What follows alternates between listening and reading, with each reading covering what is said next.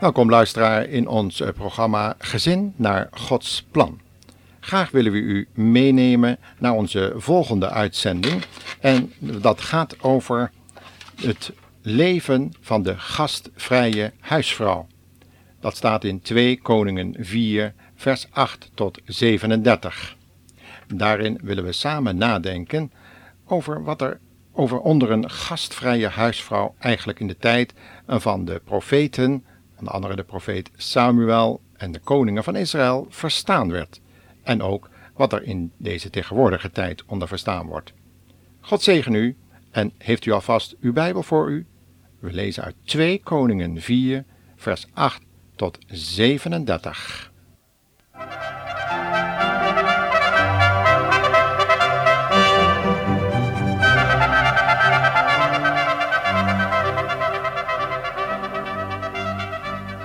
Profeten reisden heel wat af in de tijd van de koningen van Israël.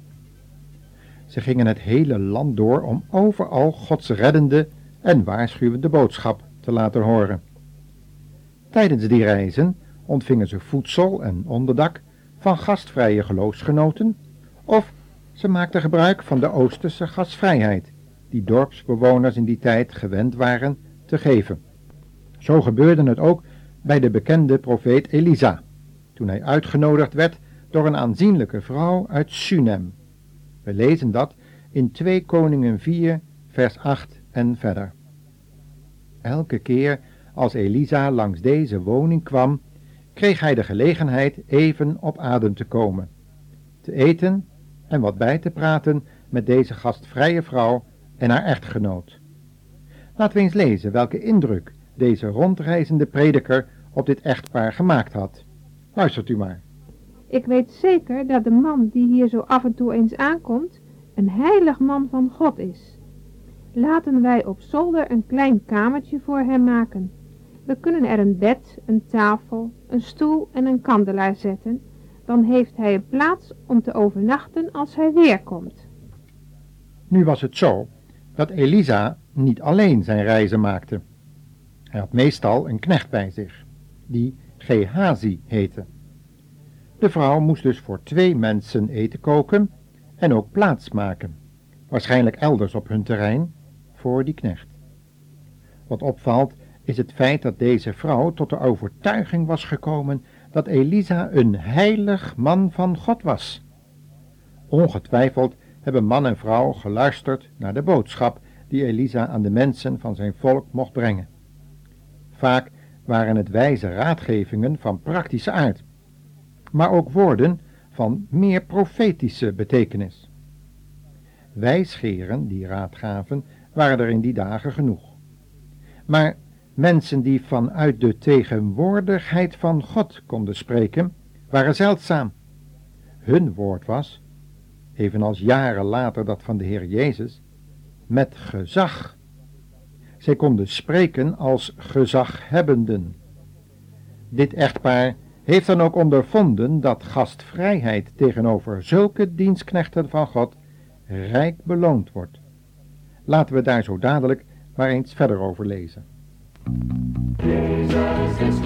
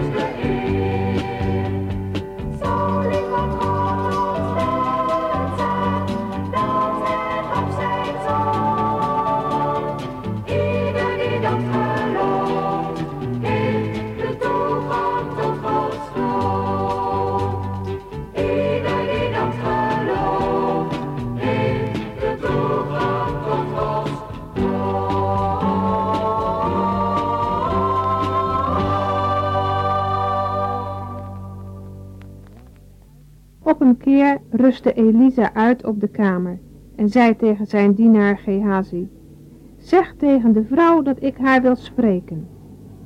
Toen zij kwam, zei hij tegen Gehazi, Vertel haar dat wij haar vriendelijkheid erg op prijs stellen. Vraag haar of wij misschien iets voor haar kunnen doen. Wil zij dat ik een goed woordje voor haar doe bij de koning of de bevelhebber van het leger?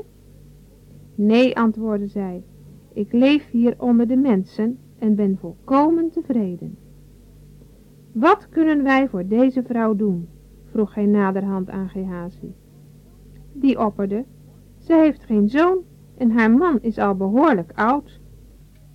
Wanneer wij verder lezen, bemerkten we al dat Elisa van plan moet geweest zijn om deze vrouw te helpen. Natuurlijk kon hij geen leven maken, waar het niet was. Maar hij kon bidden en kende de almacht van God en zijn genade. Ook wist hij dat God een bijzondere voorliefde heeft voor mensen die herbergzaamheid beoefenen, met name wanneer het om profeten en andere dienstknechten van God gaat. Laten we eens enkele passages uit de schrift citeren over dit onderwerp. Te beginnen uit Romeinen 12, vers 13. Help de gelovigen die tegenslag hebben en doe altijd uw best om gastvrij te zijn. Ook in Hebreeën 13, vers 2 staat hier iets over geschreven. En wel het volgende. Wees altijd gastvrij voor vreemdelingen. Daardoor hebben sommigen, zonder het zich bewust te zijn, engelen in huis gehad. Petrus schrijft ook over gastvrijheid, te weten in 1 Petrus 4, vers 9, waar hij zegt, Wees gastvrij onder elkaar, zonder te mopperen. Vooral die laatste opmerking zal wel nodig geweest zijn, want vaak gaat traditionele gastvrijheid niet altijd van harte en wordt er achter de rug van de vreemdeling heel anders gesproken dan in zijn gezicht.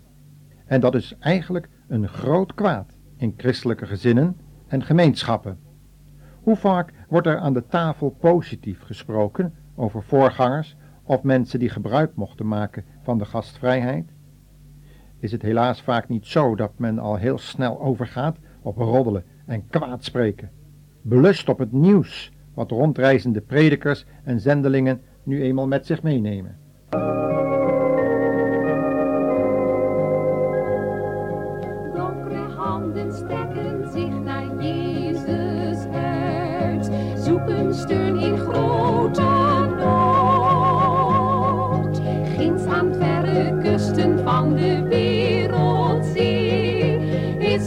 Lijden nog zo groot.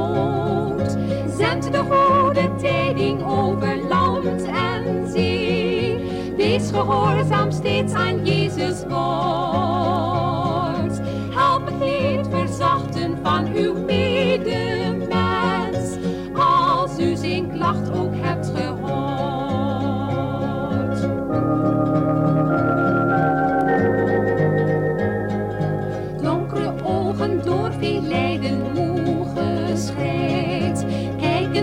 Van verre aan. Vragen twijfel, zorg en liefde toegewijd, Jezus opdracht heeft verstaan.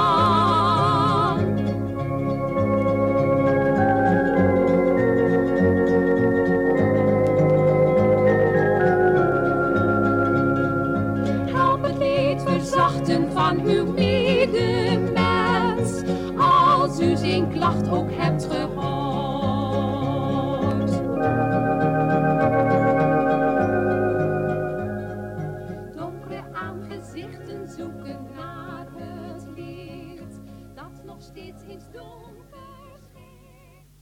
oude apostel Johannes heeft ook genoten van de gastvrijheid van een moeder met kinderen.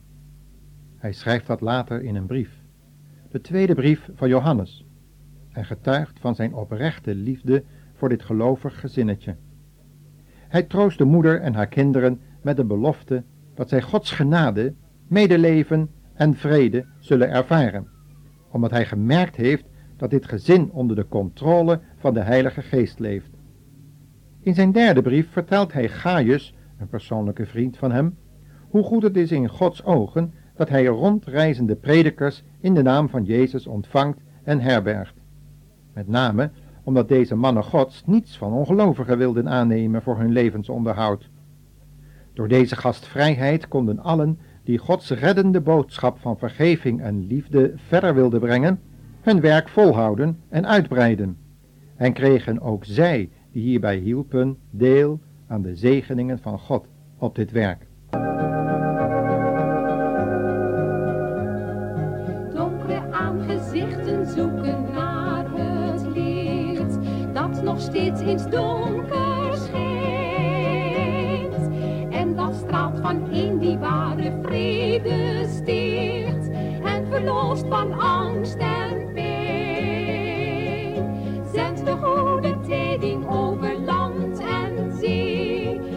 gehoorzaam steeds aan Jezus woord. Help het leed verzachten van uw medemens, als u zijn klacht ook hebt gehoord. Wanneer wij terugkeren naar het gastvrije, maar kinderloze echtpaar aan het begin van deze uitzending, zien we dat ze niet kinderloos zijn gebleven.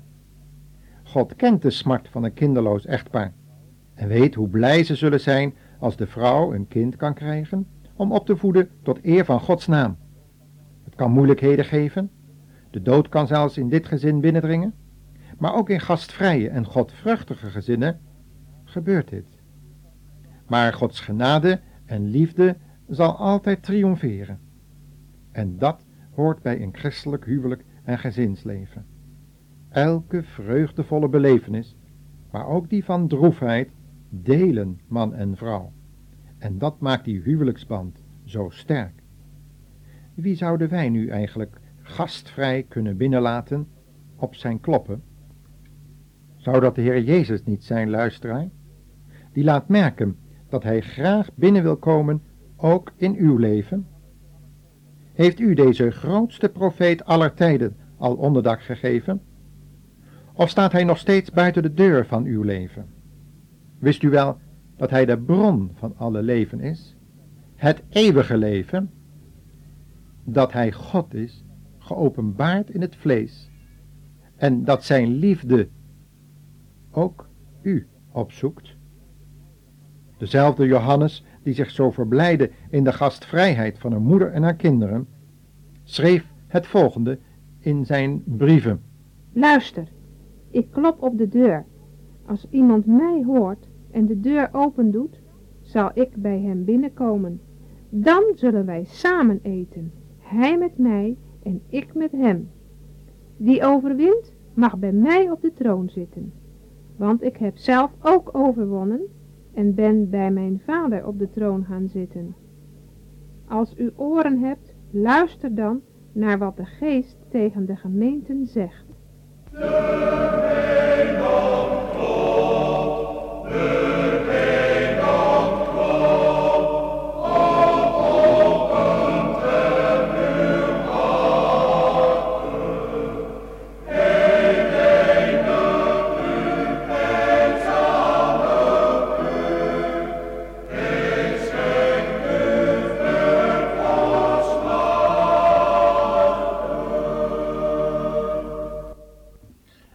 Dit lied willen we dan afscheid nemen van de luisteraar. God zegene de luisteraar en tot de volgende uitzendingen.